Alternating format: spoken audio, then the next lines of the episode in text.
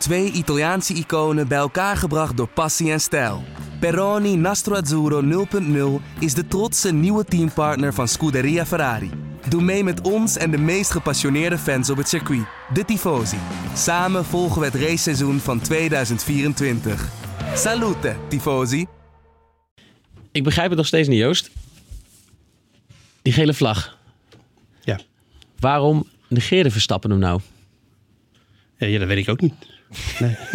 nee, hij zei... eh, Dat is toch het grootste raadsel, niet Patrick? Hij zei- en na afloop zei hij toch van, eh, van ehm, ja, eh, we zijn Formule 1 coureurs, we weten wat we doen. Maar ja, Ja, maar dat was misschien hij weet toch, hij kent toch ook de regels? Hij weet toch dat hier een stevige straf op kan volgen, Patrick? Ja, ik denk, ik denk eerlijk gezegd dat hij, dat hij misschien wel gezien had, maar dat het toch oprecht eh, een soort reflex was van, nou, ik moet, eh, ik moet, eh, ik moet doortrappen. Hè, hij zag al waarschijnlijk dat, dat hij snel onderweg was. eh, een paarse tweede sector ook. Eh, ja, van ik, ik, ik moet dat rondje aan elkaar rijgen en ik, eh, ik, eh, ik, ik stamp hem gewoon door. Ja. Dat wil er bij mij niet helemaal in, want hij had ook al de snelste ronde staan. Bart, daar kijk jij denk ik toch ook van op? Ja, dat was natuurlijk wel, eh, ja, het- zoals Leclerc zijn, zijn de basics van de autosport. Dus door het eerste wat je leert, de gele vlag als je, als je gaat karten. Ja, dat is natuurlijk gewoon eh, ja, een onvergeeflijke fout eigenlijk om zo'n gele vlag te gaan negeren. Ja, ja jij, eh, jij vanuit Mexico trouwens, eh, Bart, dan weten de mensen dat ook. Het geluid kan iets minder zijn. Je was erbij, we zeiden net al, altijd als Bart naar een Grand Prix gaat, dan gebeuren er gekke dingen. En het was weer raak. Je hebt al eens in Oostenrijk urenlang staan, urenlang staan wachten of Verstappen zijn zege mocht behouden. En, eh, en nu dit weer. Ja, ja, tot nu toe ging het altijd goed als ik was. Toen zelf minimaal podium en nu, eh nu zesde. Dus het, resultaat was een stuk slechter, maar er was in ieder geval genoeg om over na te praten. Dus eh, ja, het weekend wel waarin Verstappen eh, eigenlijk ongewild vaak in het uh, middelpunt van de belangstelling. Ja, we gaan het er eh, alle reden om er uitgebreid over te hebben. En dat gaan we nu doen. Je luistert naar de Bordradio.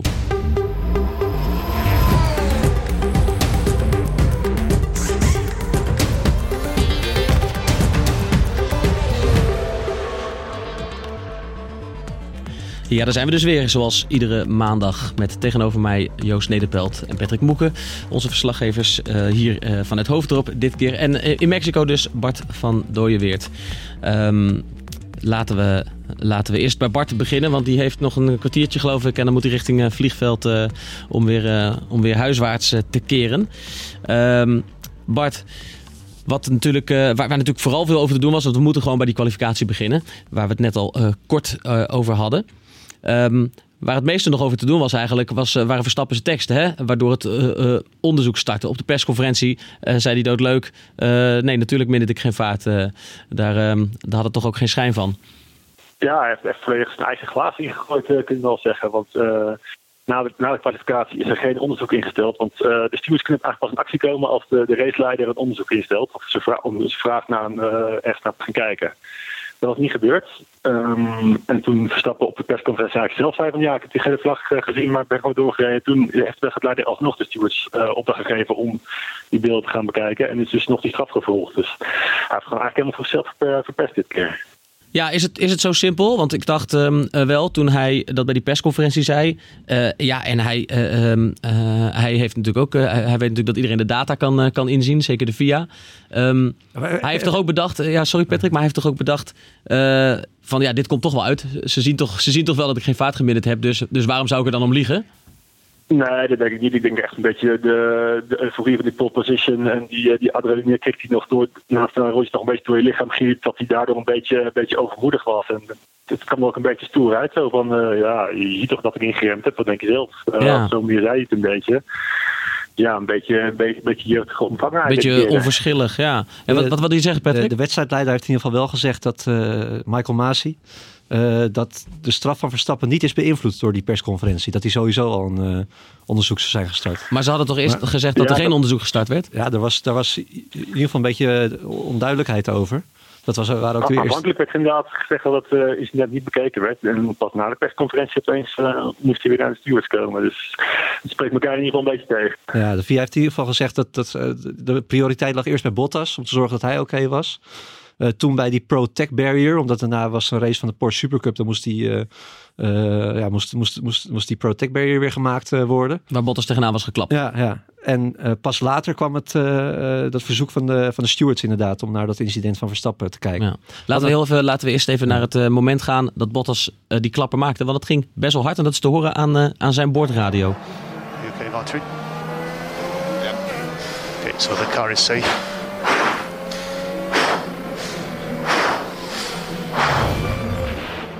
Ja, dan zie je wat een impact dat heeft eh, op een coureur, Joost. Ja, de lucht wordt dan in uit je longen geslagen. Ehm was best wel een merkwaardige fout ook. Ik heb dat nooit eerder gezien in Mexico op dat punt.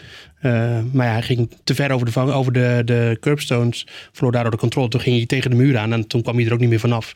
Dus ja, en dat hij dan uiteindelijk tegen die Tech Pro Barrier eh, aan, eh, aan de rijdt. Dat had in principe was natuurlijk niet zijn fout of zo. Nee. Maar het was wel weer een moment van Bottas die onder druk eh, eh, een misser maakt. Dat, eh, daar hebben we er toch best wel veel van gezien. Ja. Eerst nog even terug naar, naar Verstappen. Want eh, gezien de klap en de situatie van Bottas... zijn er ook geluiden die zeggen... ehm, kan Verstappen dit dan wel maken? Dat hij dit antwoord geeft op de persconferentie. Lawrence Edmondson, ESPN. Max, it looked like you set uh, fastest final sector despite the accident uh, of Bottas. Can you explain whether you backed off or if it was, if you were aware of it, if you saw the yellow flags coming into that corner? I was aware that Valtteri crashed. Sorry, did you back off? It didn't really look like it, did it? No. Ja, Bart, dan ben ik benieuwd eh, hoe daar ehm, ter plekke werd gereageerd op deze uitspraken van Verstappen. Niet alleen zozeer met het oog op, eh, op de straf, maar ook met het oog op van...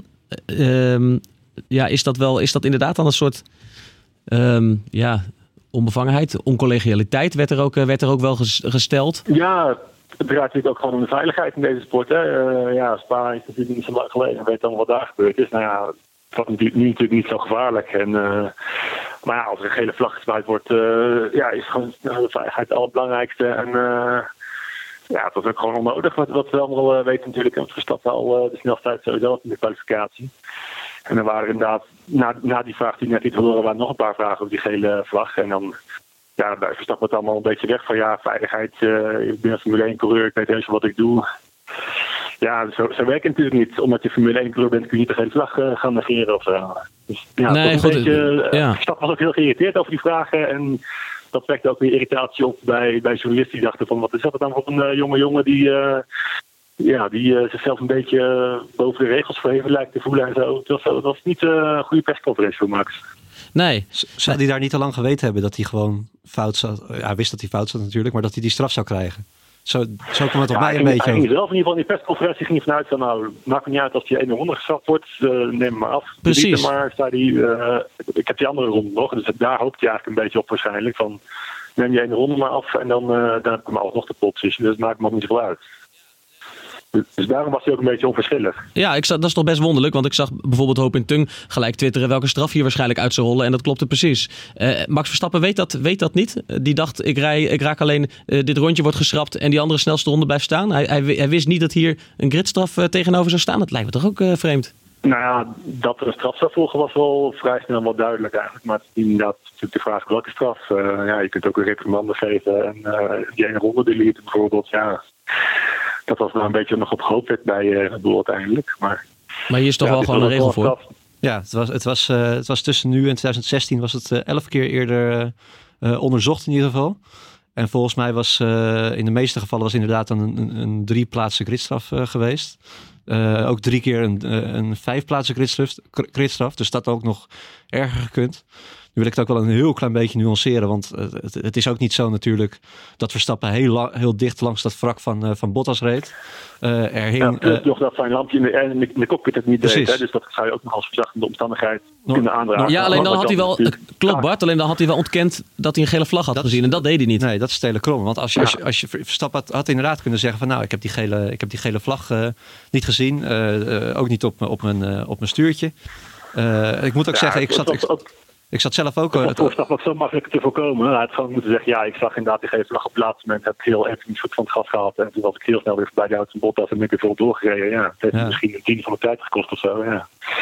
Dan is er geen haan meer die niet naar krijgt, weet je wel. nee, ja. Al denk ik dat, dat hij dan ook wel alsnog een douw had gekregen. Omdat het toch zo... Ja, je kan, je kan niet paars een paarse tijd rijden als, als daar met een gele vlag gezwaaid wordt, denk ik. Ja, hij had wel in de Maar tijd laatste... of in de laatste Precies. mini-sector. In de Ja, laatste maar- minisector had hij Maar, een... eh, dat- dat wil natuurlijk niet zeggen of je van je gas gegaan bent.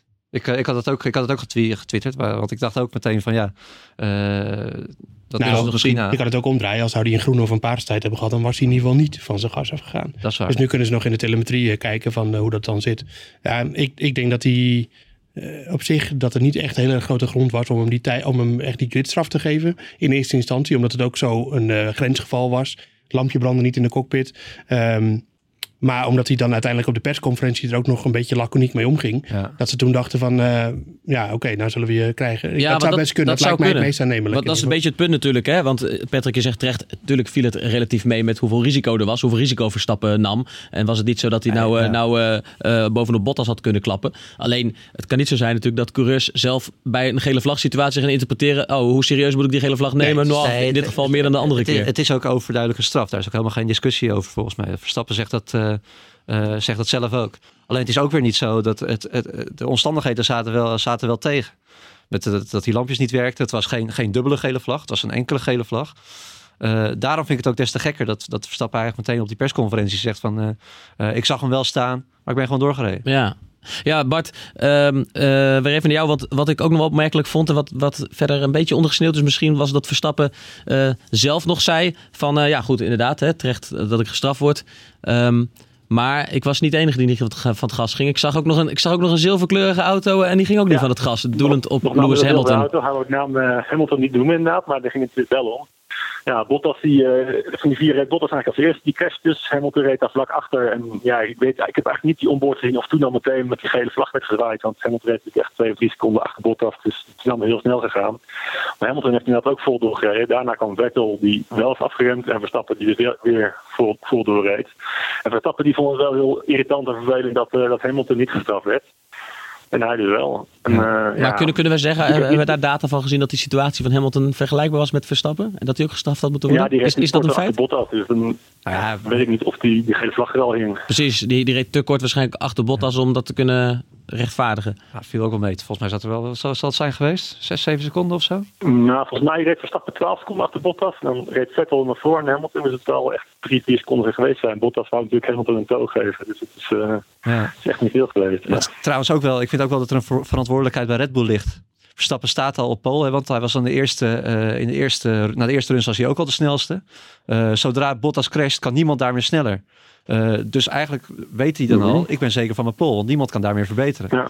Dus Als jij was al voorbij, was Precies. er al voor. Dus ja, ja. als, als jij de engineer van Max Verstappen bent, eh, dan, dan moet je eigenlijk meteen op die knop drukken. Max, ka- kalm aan, eh, kalm aan. Is niet gebeurd. Nee, die, die, die, die Ja. pole is binnen, maar dat, ja, dat is toch wel Heb, heb je ook maar vijf seconden tijd voor natuurlijk. Dus het is wel inderdaad een split second dat je dat moet zien. En als je goede, Ja, het was, bent, het, dan doe je dat. Ja. ja, het was wel iets. Het was voor- is het 15 seconden of zo. Het was, het was echt niet zo. Dat, het, er, er was gewoon tijd. Als, als zij zien in die laatste bocht Bottas crasht, zwaar. Het was echt een zware Mhm. crash. Dat zagen we allemaal.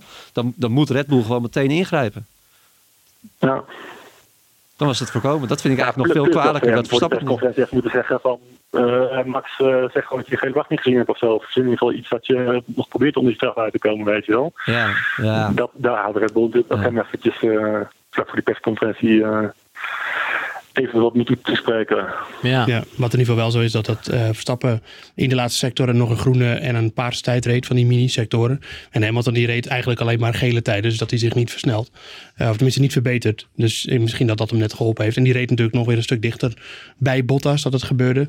Dus de situaties waren in ieder geval niet één op één vergelijkbaar. En, en ja, ehm, ik weet ook niet wat de reden is om, om Hamilton niet te straffen of überhaupt niet te onderzoeken. Maar de situaties, situaties waren in ieder geval niet hetzelfde zoals Verstappen wel een beetje Nee, en. Hamilton zei eh, niet op een persconferentie de dingen die Verstappen zei. Nee, die zei juist dat hij het onveilig vond wat Verstappen had, gedaan. Vet- Vettel zei ook hè, van ja, natuurlijk eh, heb ik gelijk geremd. Die gele vlaggen zijn er niet voor Ja. niks. Ja, braafste jongetje van de klas natuurlijk. Vettel heeft ook een paar strafpunten, te sprake, hè? Wat zei je, Bart? Vettel bracht eigenlijk een beetje te sprake. Die, die zei van ja, in mijn eerste ronde heb ik zelf foutjes gemaakt. In de tweede ronde was het geen vlag, dus toen kon ik niet meer mijn tijd verbeteren. En toen kwam hij daar het topic van die gele vlag op de persconferentie sprake. Dus die heeft ook wel een beetje slim aangezwengeld toen. Ja, Ja, ja, tuurlijk. Vettel- Want die, die wil ook een plaatsje opschuiven. eh, ja. Ja. Die weet precies Ja. hoe laat het is. Maar, maar Bart, je- ik bedoel, jij zat daar in die zaal. Heeft, eh, had je de indruk daar dat Vettel dus bewust dit onderwerp aansneed, omdat hij dan wist dat eh, het eh, moment, eh, of de actie van Verstappen ter sprake zou komen? Ja, die is natuurlijk wel zo ervaren door de wolgeverf dat hij wel, dat wel door had wat er gebeurd was. En dat hij, hij wilde, hij benoemde het wel even van, ik moest die gele vlag, uh, die gele vlag heeft me rond toen, dus ik moest stoppen. Uh, en verder hij er niks over zeggen. Dus verder was het meteen van, uh, zoek jullie verder maar uit met Verstappen en de pers en, de stewards en zo. En Leclerc die was een beetje hetzelfde. Die zei, ja, gele vlag weet natuurlijk wat het betekent. En ja, verder wou hij ook niks over zeggen. Dus ze stipte wel even aan en verder moest Verstappen het maar uitzoeken, maar. ja, er werden weer wat, uh, daar gaan we het zo uitgebreider over hebben. Er werden weer wat mooie politieke spelletjes gespeeld uh, dit Formule 1 weekend. Hamilton was er ook, was er ook weer goed in. Um, Bart, is het inmiddels droog daar?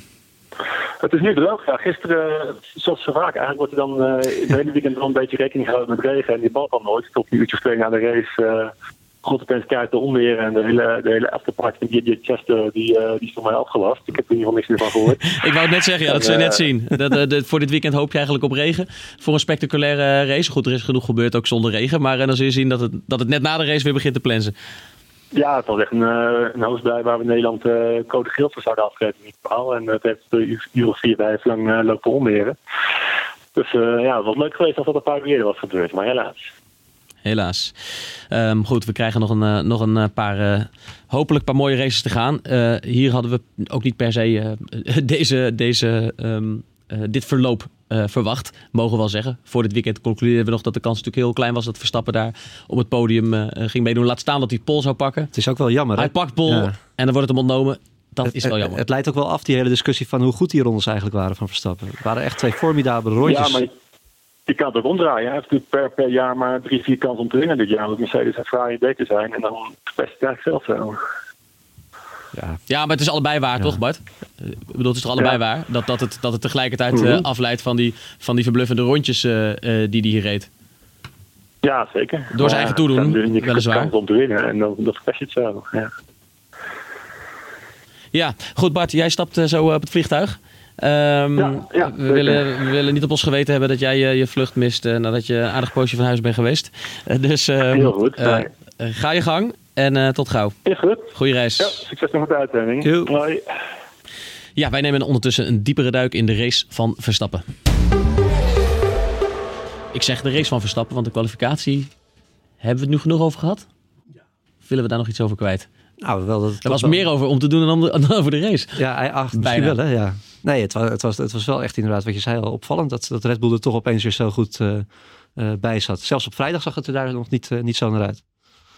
Dat, ja, dat, dat was, ze zo competitief zouden zijn. Was Red Bull zo goed? Of viel Ferrari en ook Mercedes wel Ik denk dat tegen? Verstappen ook gewoon vooral heel goed was. Ja, dat sowieso zo. Die, uh, de mechanische grip van die Red Bull en uh, de manier ook waarop die... Je hebt dat, uh, dat slingerende gedeelte achterop.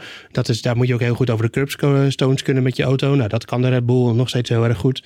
Um, mechanische grip ook in die, die sector in dat stadion. Weet je, dat, daar ga je zo langzaam, dat downforce telt eigenlijk niet meer. Dus dan heb je mechanische grip nodig. Nou, dat, daar blinkt de Red Bull dus nog steeds in uit. Zeker in deze omstandigheden waarin... Waar zit hem dat uh, precies in? Specificeer dat eens een beetje. De mechanische grip hem, voor, de, voor, voor een deel van de luisteraars dat niet weet wat dat is. Mechanische grip zit er dus is niet aerodynamisch uh, verkregen grip, maar vooral uh, uit de vering en de banden natuurlijk.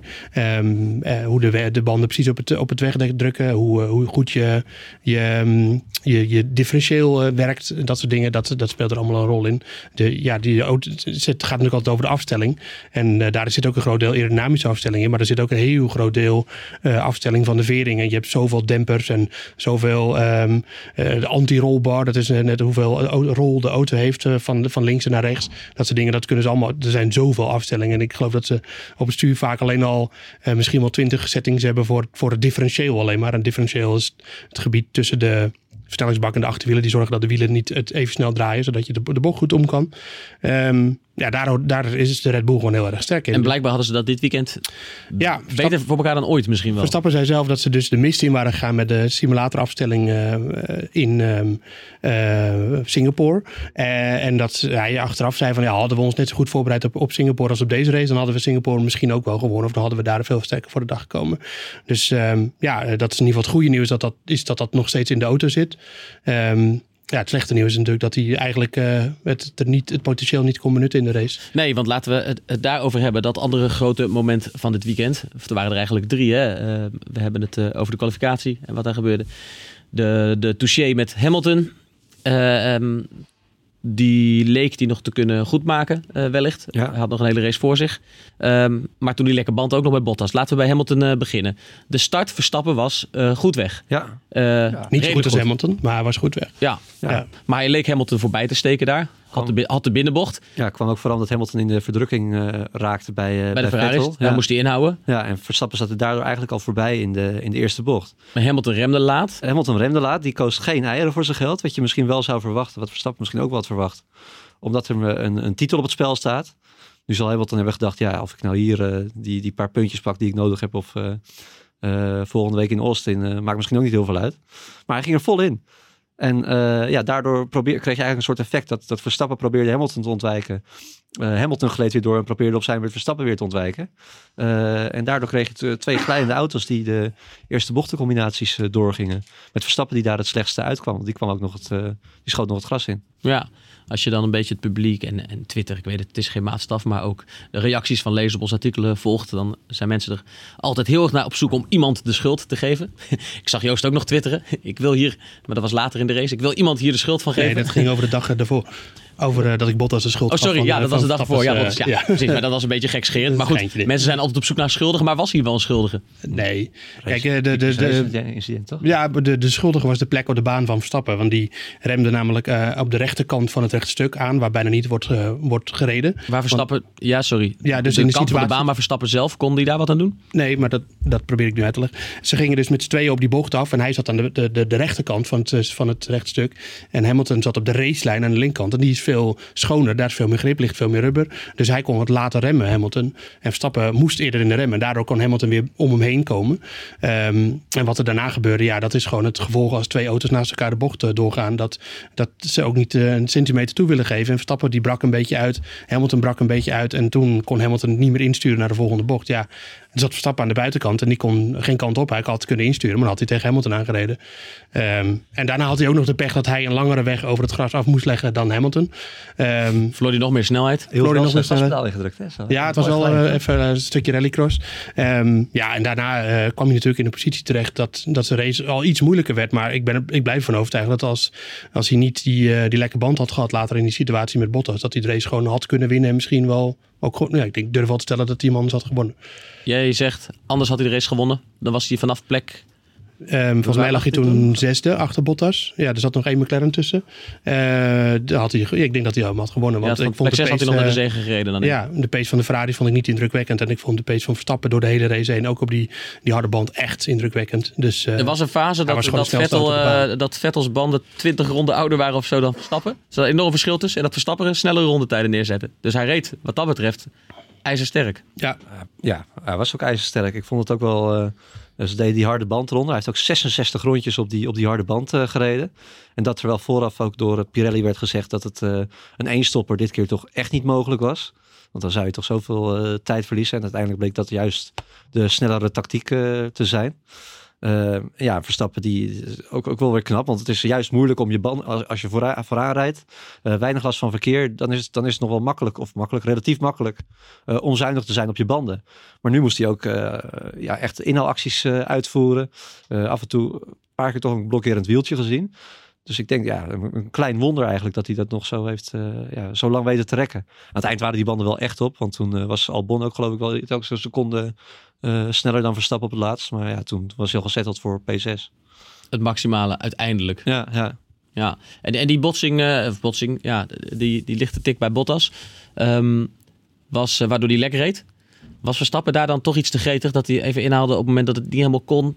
Of was Bottas niet scherp genoeg, had hij hem toch Nee, moeten zien niet. aankomen? Het was een inhaalactie waarbij je het risico neemt dat zoiets kan gebeuren. Eh, maar hij zat wel in een positie dat hij dat moest doen. En, eh, want Bottas had, was natuurlijk gewoon een groot potentieel obstakel geweest voor hem anders eh, in de verdere verloop van de race. Hij reed al vanaf dat moment een soort alles of niets strategie. ja. Ja, maar het is wel des Verstappens dat hij daar doet. En het lukt ook eigenlijk bijna op een paar centimeter voorvleugel van Bottas na Je natuurlijk. ziet daar nooit een inhaalactie. Ik Nee. heb daar nog nooit een inhaalactie gezien. Maar Nee. Martin, ik zat de samenvatting ook nog terug te kijken, s'avonds nog een keer.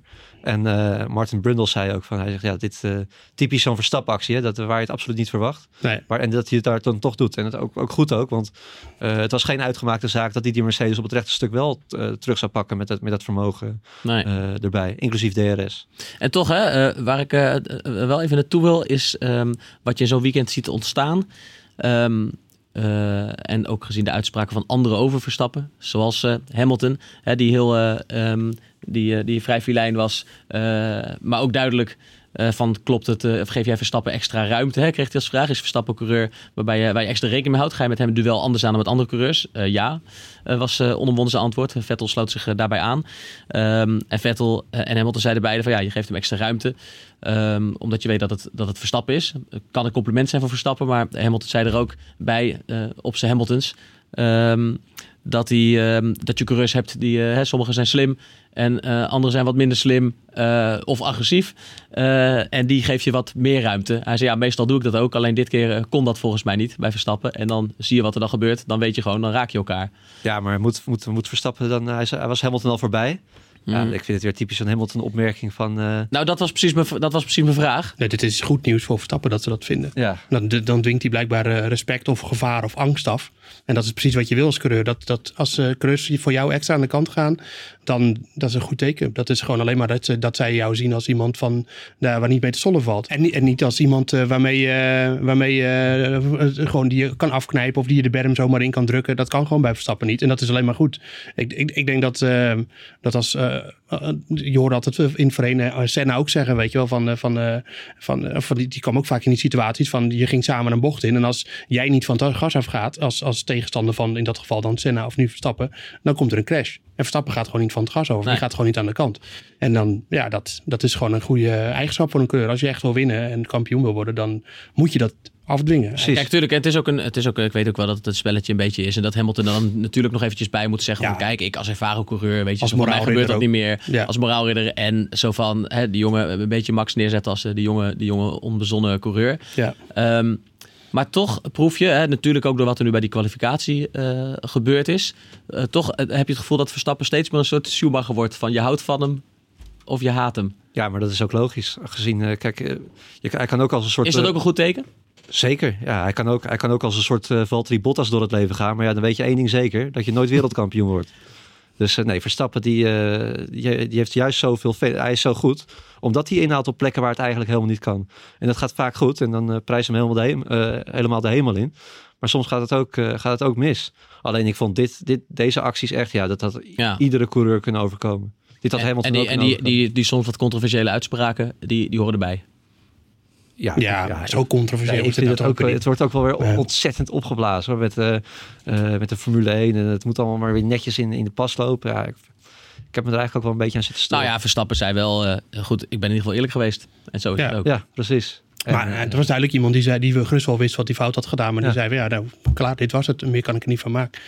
Dus ja, en, en nog een terugkomend op Vettel, die is het dan eens met Hamilton. Maar volgens mij heb ik Vettel de afgelopen seizoen ook heel vaak tegen anderen aan zien rijden. Dus eh, die is misschien de juiste persoon om daar wat over te zeggen. Hamilton heeft nog een soort van recht van spreken. Die is in duels altijd best wel netjes. Eh, stevig maar netjes. Maar, eh, en die hoeft ook natuurlijk niet zo heel vaak duels uit te voeren. Maar ja, Vettel niet. En eh, dus Verstappen die, eh, die, die dwingt dat gewoon af. En eh, ik denk dat als de twee eh, meervoudige wereldkampioenen daar zeggen dat ze eh, een beetje bang zijn voor Verstappen, want dat is eigenlijk wat ze zeggen, ja. dan, eh, dan is dat alleen maar goed. Dus ik zou als Verstappen was, zou ik die eh, vrolijk in mijn zak steken en doorlopen. Ja. En, eh, en bl- daar blij mee zijn. Dat wil je ook juist. Ja. Ja, ik, je, je, je- je wilt toch Doorgaan. ook, dat is toch geweldig als die gasten zo over je aan het praten zijn, als, als Verstappen zijnde. Ik zou dat heerlijk vinden. Ik, ik vermoed trouwens wel dat ze bij eh, eh, de komende Grand Prix in de Verenigde Staten bij de persconferentie vooraf eh, samen er aan het tafeltje zitten, denk je niet? Wie? Ham- Hamilton en Verstappen. Nou, eh, Verstappen zetten ze daar wel bij. oh, ja. Oh, ja. nou, ze hebben er soms ook wel een handje van om de totale niet-zeggende coureurs eh, neer te Nou, zetten. Ja, er is nog Als er geen- enige, enige opschudding is geweest, zetten ze ze van Ja, juist dat, bij ja. elkaar. Zou, dat zou leuk zijn. Ja. Het eh zal benieuwen. Helder, we gaan naar de driver of the day. Ja, we hadden zelf ook een, een polletje lopen. En ik zag de officiële FIA driver of the day. eh, had dezelfde uitkomst, namelijk Max Verstappen. Ehm, Ik was het ermee eens. en wat vinden jullie ervan? Ja, ik, vind, eh, ik, ik, eh, ik zet mijn oranje bril even op, maar ik vond het, ja, ik vond het Verstappen ook de driver of the day. Gewoon puur omdat hij continu de snelste man op de baan was. Ook, ook als hij een actie aan het uitvoeren was. Ehm, die, actie, die incident met Hamilton en Bottas, ja, dat, dat is gewoon pure pech. Daar kan, ik vind echt dat hij er niks aan kan doen. Ja, je, je, ik wou zeggen, je kan niet, ehm, dat laat je buiten beschouwing dan. Je Ja. laat het niet meewegen in de zin dat ja, als, het je, als het je twee keer gebeurt, je moet gewoon zorgen dat het je, dat het je niet gebeurt. Of het nou je schuld is of niet. ja, ja, Te makkelijk. vind ik wel te makkelijk, ja. Ja, Joost nou, ik- je, kan, je, kan, je, je, kan, je kan zeggen van nou had die Bottas er ergens anders in moeten halen. Maar ja, dan weet je niet of je hem überhaupt ingehaald had. Nee, maar dat is gewoon de positie waarin hij zich nu Ja. bevindt. Dus hij moet dit gewoon doen. Hij moest- Als hij dat niet doet, dan is, hij, dan is hij ge- geen knip voor de neus waard. Hij moet die risico's op dit moment nemen. Eh, ze willen races winnen. Ze willen laten zien dat eh, ook aan Honda dat het een eh, vruchtbaar project is. Ja, dan moet je risico's nemen. Dat is gewoon heel simpel. Dus Je zou misschien wel kunnen kijken, van, ja, is, is het zijn, ook die kwalificatie wat zijn fout was, dat hij dan vierde start, dat, want daar is het misschien ook wel een beetje mee begonnen, dat hij in het gedrang kwam. Aan de andere kant kan je ook weer zeggen, als hij van Pool gestart, gestart was, dat zei Horner ook, dan heb je zo'n dat lange rechte stuk dat- met die Ferraris achter je. Nou, dan, dan weet je eigenlijk al zeker dat je dat sowieso niet gaat volhouden in de eerste bocht. Ik zag zelfs mensen eh, de vraag stellen van... heeft hij dit niet expres op de persconferentie Ja, gezegd? omdat, eh, hij, omdat hij liever niet van Pol startte. Horner zei bij Sky Sports dat hij, eh, hij zegt, ja, we kunnen beter vanaf P4 starten dan vanaf, vanaf Pole. Nu weet ik niet of hij daar achter, achteraf gezien nog steeds zo over denkt. maar ja, nee, maar ik denk Verstappen driver of the day. Ik vind het echt helemaal geen... Nee, uiteindelijk rijdt hij natuurlijk van de laatste plek Ja. naar P6. ja, Joost, eh, jij sluit je daarbij. Heb je nog wat aan toe te voegen? Of wil je toch nog even een andere naam? ik noem een andere, ja. Ik noem Sergio Perez. Eh, want de, de Force eh, India Racing Point eh Sahara Pesa. Sport Pesa is zeker niet de vierde auto van het veld. Maar hij reed een heel sterke race voor eigen Hij, publiek. hij kreeg het publiek op de bank. Hij kreeg het publiek op de banken en hij was hard, hard, maar fair in de duels. Ehm, ja, dus Perez is altijd sterk in zijn thuisrace en dat gun je hem ook, zo'n jongen. En nu was hij gewoon toch weer de Renault's de baas. Ehm, ja, perfecte prestatie eigenlijk van, van, van iemand waar er dan ook best wel veel druk op staat natuurlijk in zo'n situatie. Ehm, ja, dus ik was, eh, mijn driver op de day was naast Verstappen ehm, ook eh Perez. Ik weet in ieder geval ook wie mijn absolute niet-driver op de day was. mag ik eh, gokken? Dat was eh, de pitmuur van Ferrari. God, wat hebben die die race weggegeven zeg. Oh man. Nou, dat is een mooi bruggetje, Joost. Want Ja. Ik wilde het net noemen. Eh, Lewis Hamilton zie ik dat in het polletje bij ons op de site eh, als tweede uitkwam. Achter Verstappen voor Driver of the Day. ja. Want Hamilton wint uiteindelijk. Ja, maar Ja. over driver of the day Maar- gesproken. Ja, die had het eigenlijk ook wel gewonnen. Ja. Hamilton. Hè? Hamilton had ook wel driver of the day. Kreeg hij niet een beetje cadeau? ja, ik kreeg het cadeau van Ferrari. Maar Nou, dat, ja. nou ja, het was, het was eh, eigenlijk de schuld van Albon. Dat eh, Ferrari de race verloor. Leg uit. Ja, want Albon die ging in eh, ronde 14 al naar binnen. En toen klapte ehm, Leclerc meteen mee. Bang voor een undercut die volgens mij niet echt eh, aan zat te komen. Ehm, en daardoor ging Leclerc ook op een twee stoppen. Wat achteraf gewoon de verkeerde strategie bleek. Nou is dat een achteraf gevalletje. Want toen wisten de teams meestal vooral nog niet wat, hoe goed die harde band zou zijn. Ehm, maar dat was gewoon een misser van Ferrari. En die hadden in ieder geval... eh, Dat ze ten onrechte ja, eh, zich een beetje gek lieten maken door Red Bull. ja, dat, dat deden ze. En daarna gaven ze, eh, ehm, brachten ze Mercedes in een 2 tegen 1 presta- of, eh, of situatie. Ehm, vervolgens ging Hamilton in ronde 23 naar binnen. En toen had Vettel een ronde later gewoon naar binnen gekund. Dat deden ze niet. Ehm, toen reed hij door met een, eh, de prachtige uitspraak. eh, die kunnen we er ook nog eventjes in doen trouwens. Eh, everything is peachy, zei hij toen. Dus eh, met de bandjes. Ja, en toen hadden ze eigenlijk al kunnen zien bijvoorbeeld aan Ricciardo... dat hij heel lang eh, gewoon een goede pace hield. Maar toen, de- maar toen, dat kwam misschien ook omdat, omdat ze toen nog dachten dat, eh, dat, ze, dat het vooral tussen Vettel en Leclerc ging. Hoe bedoel je? Nou, dat, dat die vooral om de zegen aan het, eh, aan het strijden zouden. Nou, ze hadden toch wel rekening mee moeten houden met, eh, met Hamilton en Bottas... die toch echt gewoon een goede pace hadden met de Mercedes. Ja, weet ik niet. Het zag er wel wat, ja.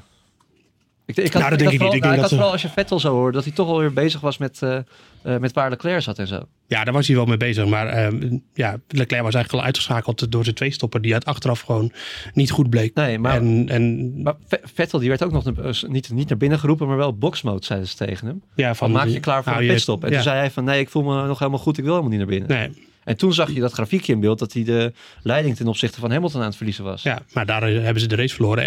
En ehm, hij hadden gewoon veel beter moeten inschatten. En dat doet Mercedes dan weer wel. En natuurlijk, die nemen misschien ook een gok.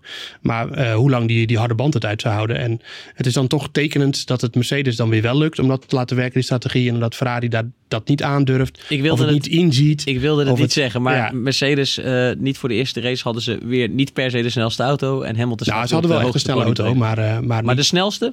Nou, ik denk dat, we, dat Verstappen de snelste auto had. Eh, Dat zei je net, ja. Ja, maar ik kan het nog wel even uitleggen hoe dat zit. Ehm eh, het heeft met twee dingen te maken. Eh, omdat je natuurlijk 25% minder eh, lucht, eh, eh, luchtdichtheid hebt, heb je ook eh, veel minder downforce en veel minder drag, dus luchtweerstand. Ehm, dus die auto's die rijden allemaal tegen het maximum aantal downforce aan. Ze, hebben, ze, er is, ehm, ze kunnen het eigenlijk niet eens genoeg downforce genereren. eh, omdat ja, dat is een soort van balans die je altijd hebt tegen, tussen luchtweerstand en downforce. En normaal gesproken moet je altijd een beetje zorgen dat je niet te veel downforce hebt. Want dan krijg je te veel luchtweerstand. En dan ga je te veel verliezen op de rechtstukken. Eh, nu konden ze het maximaal zetten, downforce. eh, terwijl je zo'n heel erg lang rechtstuk hebt. En dan zie je gewoon dat de Mercedes veel meer downforce levert dan de, dan de Ferrari en de Red Bull ook.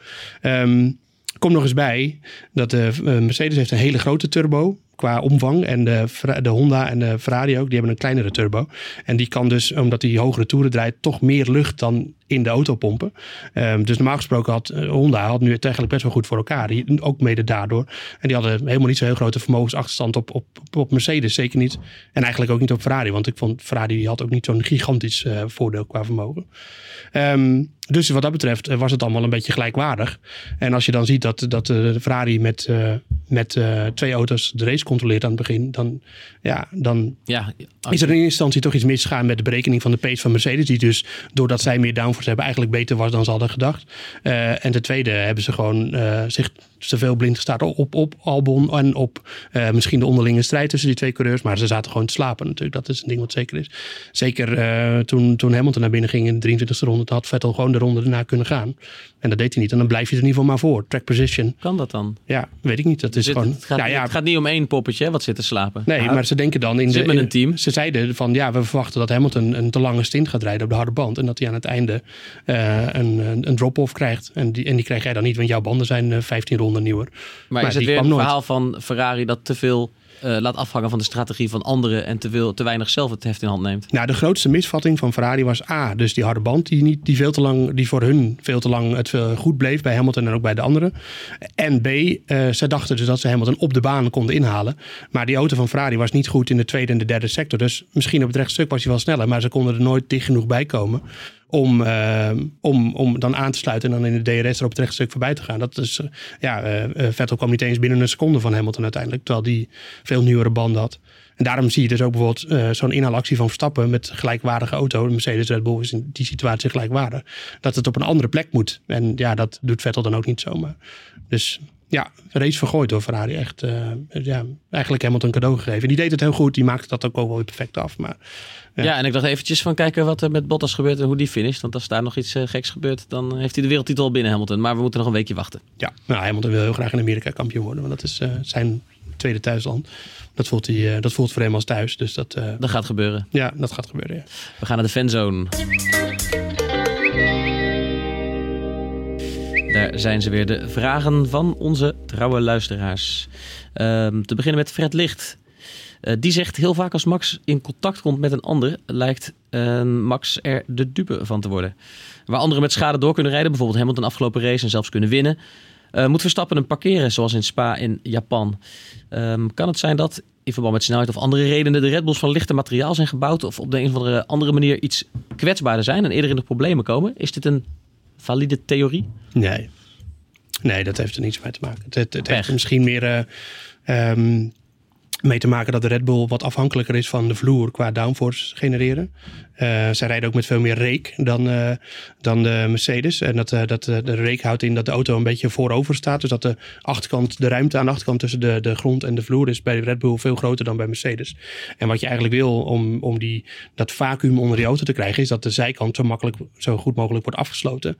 Ehm, Mercedes heeft, die, heeft een veel kleinere ruimte om af te sluiten. Dus als je daar dan wat schade hebt, dan weegt dat misschien iets minder nauw. En, eh, maar als je de schade van, van Verstappen in, in Japan bekeek, die was veel forser dan wat Hamilton gisteren had. Dus, eh, Ja. dus A, de- het is niet zo dat de onderdelen kwetsbaar zijn. Het is misschien meer de aerodynamische ehm, layout van de, van de Red Bull die daar wat kwetsbaar voor, vooral voor, kwetsbaarder is voor, voor schade aan de vloer.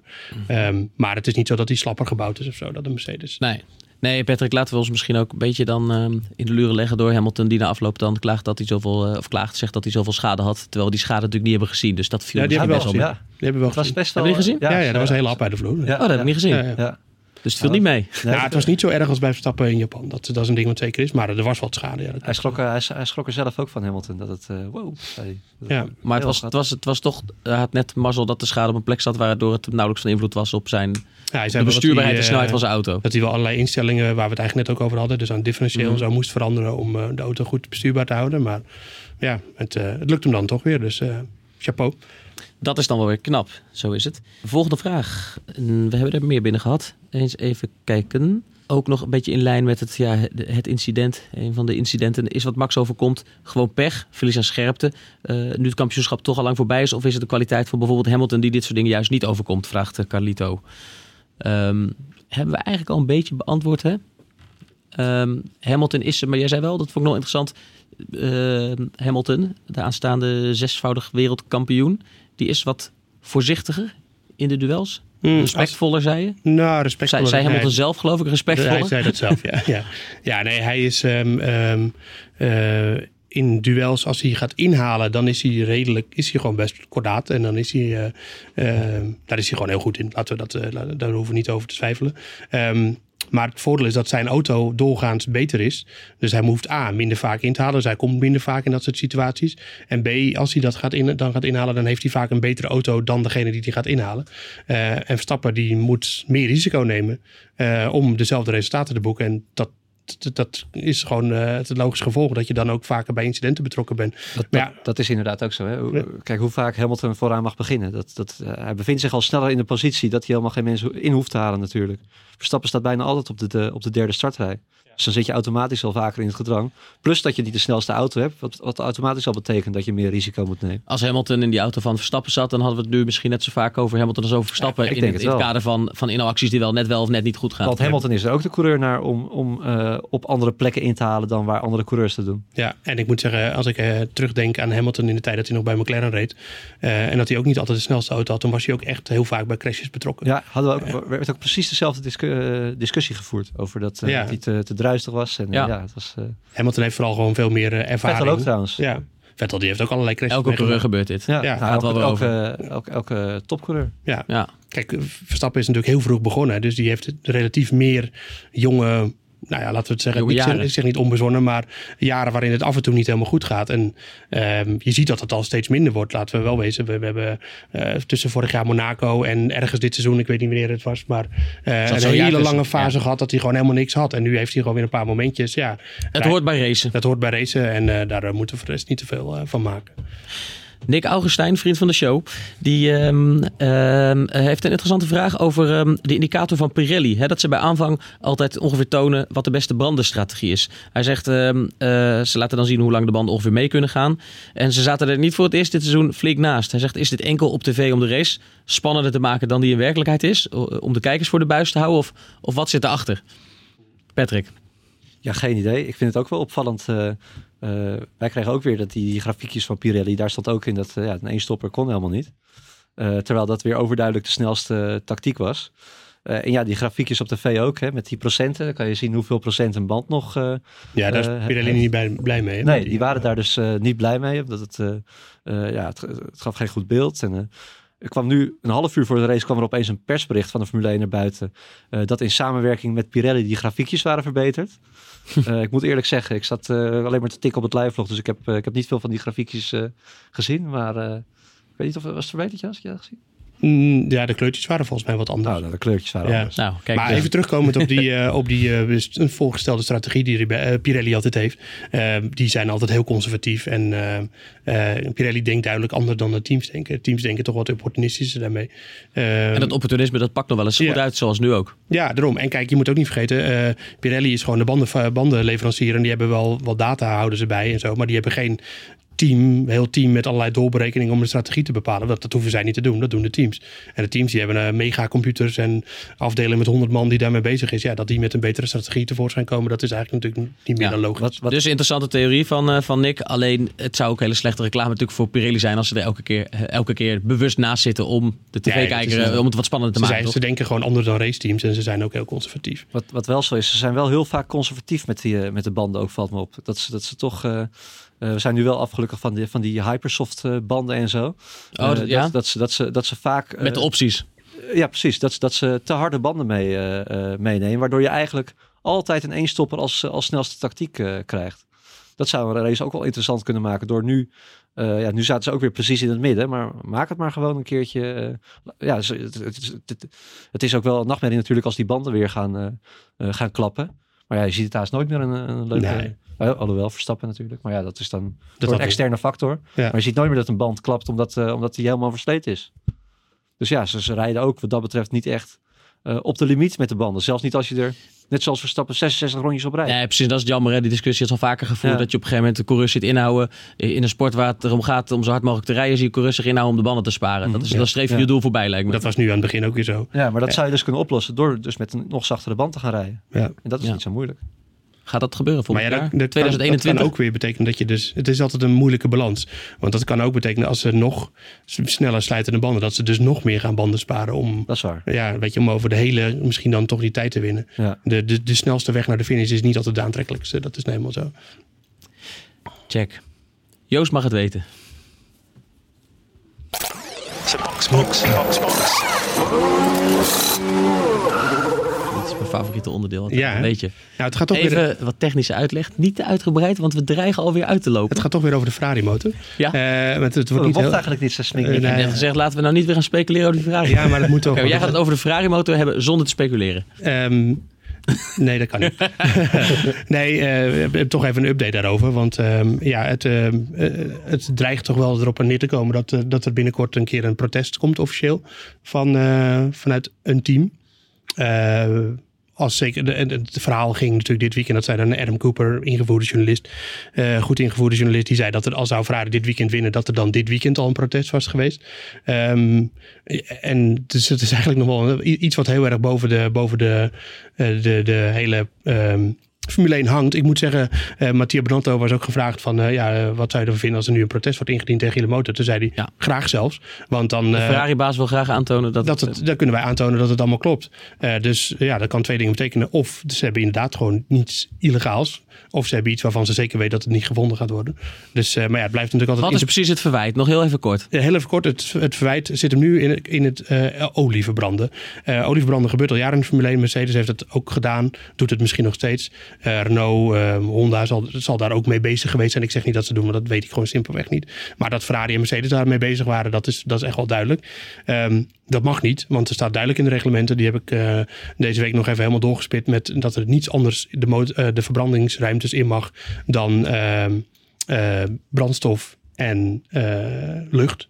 Dus ja, dat, dat is eh, ergens is het regels overtreden. En, maar het, blijkt toch echt wel zo te zijn dat, dat meerdere dat doen. En dat Ferrari dat dan weer wat meer doen dan, dan de anderen. En dan betekent dus dat vooral de, de, de samenstelling van eh, lucht en brandstof, dus benzine alleen, is minder effectief dan wanneer er een klein beetje olie bij zit. Want dan verandert de dichtheid van de materie die in de verbrandingskamer zit. En daardoor kan er dus meer in. En heb je meer compressie. En dan heb je een hardere explosie in de motor. En dan gaat de zuiger harder naar beneden. Enfin, Patrick, ben je er nog? Ik eh, ben er half. ja. Dus, en, eh, en alleen die olie zou dus uit de intercooler vandaan komen van Ferrari. En een intercooler, daar zit normaal gesproken geen olie in. Ja, als er inter- olie in je intercooler zit, dan is je turbo stuk. Dus, eh, maar ja, dat is natuurlijk niet zo bij Ferrari. Dus dat, dat is een andere vraag. Waar komt die olie vandaan? Kunnen ze dat aantonen? Ehm, ja, dat is een lastig eh, thema, maar dat is wel iets wat we de komende maanden nog heel veel gaan horen. Dus daarom wilde ik het toch nog weer even aanstippen dat er een protestval boven de markt hangt en dat het eh, Maar een Ja. eh, officieel protest, dat gaat er waarschijnlijk dit seizoen in een van de laatste drie races nog komen. Maar van kunnen. wie? Mercedes, denk ik. Dat moet Mercedes zijn, ondanks het feit dat, dat die wereldtitel straks gewoon lekker binnen is. En, die motor die zit volgend jaar weer in de het is eigenlijk juist sterker als je het doet terwijl je zelf wereldkampioen wordt. Hè? Anders, Ja. anders ben je een slechte verliezer, ja. wordt er dan gezegd. Eh, ja. ja, aan de ene kant wel, maar aan de andere kant kun je nu ook zeggen van ja, ga je daar nu nog heel erg over klagen. Terwijl ook al hebben ze daar helemaal 100% gelijk in, dan kun je nog zeggen van, eh, van ja, wat lopen jullie nou te zeiken? Ja, maar als, als ze wereldkampioen. 100% gelijk blijken te hebben, als Mercedes daarvan overtuigd is, dan, maar dan als ze krijgen ze des te meer credits voor de, voor de zegen dit seizoen. Als ze Van eh, daar de Ferrari speelt van, vals en nog winnen ze niet. Ja, maar zouden ze daarvan overtuigd zijn, dan hadden ze al, dat protest al wel ingediend. Dus het, het is iets, het, het gonst echt al maanden. Eh, ik blijf het zeggen, eh, Mercedes heeft heel lang ook de snelste motor gehad, de sterkste motor gehad. Toen hoorde je nooit iemand over vals spelen. Dus dat, dat is ook iets wat altijd een beetje... eh, Het kleeft wel aan kleeft- Ferrari en kleeft de aan Ferrari. Maar ja, ja, maar ja eh, dat eh, dus eh, wordt vervolgd. Maar eh, interessant om, eh, om in de gaten te blijven houden. Dat gaan we doen. Tot slot. Ehm, de VS. Eh, voor Mexico eh, waren we niet zo heel optimistisch. En het zag er ineens eh, na de kwalificatie uitstekend uit voor Verstappen. Zou er eh, weer zo'n scenario eh, liggen wachten in de VS? Of is het daar ondenkbaar? Ja, de omstandigheden zijn wel echt heel anders. Ja, on- ik eh, denk ondenkbaar. Het is, het is eh, je- ik moet wel zeggen, Verstappen is altijd heel goed in, in Austin. Ehm, maar ja, het, het, het, het- het is niet een, een circuit. Het, het zou gek zijn als Red Bull hier opeens ook weer goed gaat, eh, gaat zijn. Uh, Mexico, ja, toch die hoogte is toch een vreemde eend in de bijt. Um, als je Austin bekijkt, dan zou je zeggen dat is... En toch hadden we het niet verwacht hè, in Mexico. Ze hadden die auto en de afstellingen veel beter voor elkaar. Als ze hem nou voor de VS ook optimaal afstellen. Waarom niet? Ja, maar dan kom je nog steeds tekort. Zeker in ieder geval voor, voor, voor Paul. Misschien dat hij in de race wel weer een, een, hoop goed kan maken. Al denk ik dat, dat Mercedes wel weer hier zo sterk zal zijn. Uh, dat, dat die gaan winnen. Uh, Joost gaat Hamilton uh, zijn wereldtitel extra glans geven door uh, door ook gewoon de Grand Prix te winnen? Hij is normaal gesproken de grootste kanshebber. Um, er is een heel lang rechtstuk en daar gaat Ferrari een hele hoop tijd winnen. En zeker nu het weer op redelijk C-niveau is, want volgens mij Texas ligt niet, zo, niet zo hoog. Het gaat, um, echt ook niet regenen? Nee, het zou ja. nooit regenen, maar het nu al helemaal niet. Nou, we hebben daar een keer regenrace gehad met Verstappen vierde. Ja, met die uh, met, met, de, de orkaan. Ja, nou ja, in ieder geval. Dus, uh, maar uh, ja, ik denk niet dat, dat um, dat, dat Mercedes of Ferrari een van de twee echt heel erg gaat, uh, gaat uitblinken. Dus ik denk wel dat het een spannende strijd wordt. Maar ik denk wel dat, uh, dat Red Bull daar zich in kan mengen. Omdat uh, die eerste sector vooral is heel erg bochtig. En nou ja, we hebben toch wel weer gezien dat die auto daar nu beter in is. Dus ze hebben toch iets in de afstelling gevonden. Um, wat ten goede is van, van de weglegging van de Red Bull. Um, ik ben toch bang dat het vooral door dat circuit van Mexico kwam. Dat het op grote hoogte ligt. Het, uh, als je ziet hoe groot ja, het gat in, in, Japan was. Ik kan zeker. me voorstellen dat ze dat opeens goed gemaakt hebben. Ja, maar zo'n sector heb je... Ja, nou, we gaan het zien. Ik denk dat het, uh, dat, uh, het, podium uiteindelijk wel... Ja, in, de, in de top 3 kwalificeren wordt heel moeilijk. Maar in de top 3 finishen in de race, dat is wel denkbaar. Maar dat, dat is eigenlijk ook het hele seizoen nog niet echt het probleem. Dat, is vaak, vaak nou, we hebben ook wel meegemaakt dat als de, bij de Mercedes en bij de Ferrari ja, vinden, dan zit hij er gewoon sowieso achter. Maar dat, dat, is, dat gaat nu niet gebeuren, denk ik. Oké. We kijken er uh, zeker met uh, wat er dit weekend allemaal is uh, gebeurd. weer helemaal weer ontzettend naar uit. Grand Prix van de VS dus komend weekend. En wij zijn er met deze podcast dan maandag weer. Mocht je nog niet geabonneerd hebben op de Boordradio, um, doe dat nog even um, via iTunes of je eigen favoriete podcast uh, app. En dan gaan we in de volgende podcast weer even de stand van het GP-spel uh, erbij pakken. Ja, Want ook onder onze luisteraars hebben we heel veel deelnemers. Joost heeft het opgegeven, het GP-spel. Ik ook een beetje. Maar, maar we hebben luisteraars die fantastisch scoren. En die moeten we toch een keertje, een keertje in het zonnetje zetten. Ja. Bedankt voor nu. Tot volgende week. Dag.